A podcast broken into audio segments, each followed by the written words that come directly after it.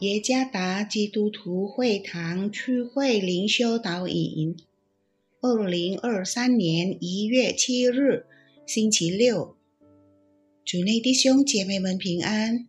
今天的灵修导引，我们要借着圣经彼得前书第二章第九到第十节来思想今天的主题：诉说神荣耀的作为。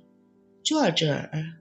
蔡国闪传道，彼得前书第二章第九到第十节：唯有你们是被拣选的族类，是有君尊的祭司，是圣洁的国度，是属神的子民。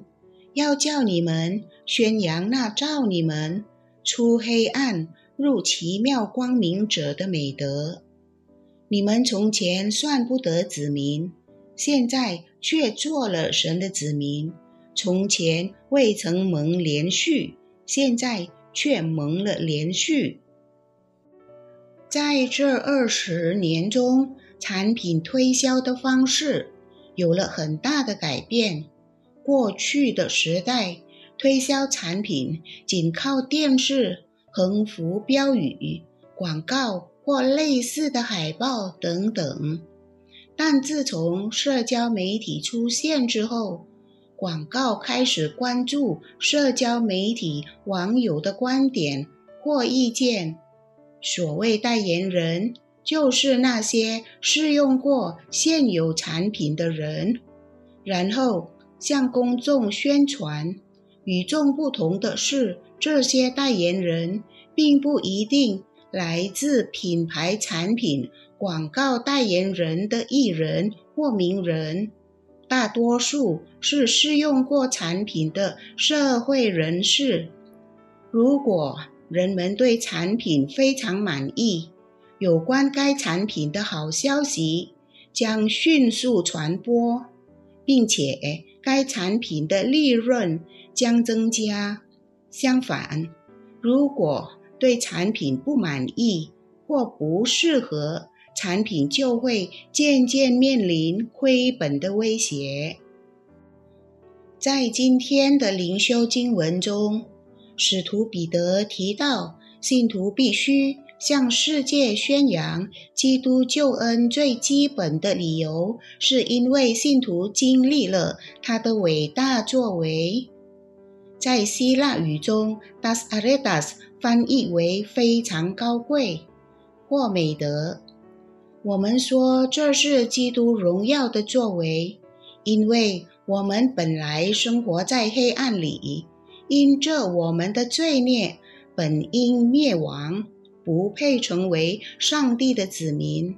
然而我们却蒙神呼召，因这神的恩典成为他的子民。如今神给我们机会，成为他荣耀的器皿。成为他的祭司，神要我们与败坏的世界有所分别，成为神心中所喜爱的。他带领我们进入奇妙光明中，他改变我们的内心和思想，让我们里面有主生命的光。我们周围的世界因罪恶。而处于黑暗之中，迷失并走向灭亡。世界正在哭泣，被遗弃和缺乏爱。我们周围的世界没有和平，充满冲突和混乱。神已经向我们显示他伟大的爱。我们既然领受了神如此大的作为，必定感到非常幸福和满足。既然如此，他们就没有理由不透过生活言行向世人诉说神奇妙荣耀伟大的作为。请问，你我对上帝在我们生命中的作为还感到不满足吗？如果我们满足的话，请问？我们已经向世界宣扬神伟大的作为和大爱吗？对没有永恒价值的产品或货物，没有得到酬劳的人群，都积极去宣传。我们既然已领受神荣耀救赎大功，更应当在生活言行上尽力宣扬神的美德。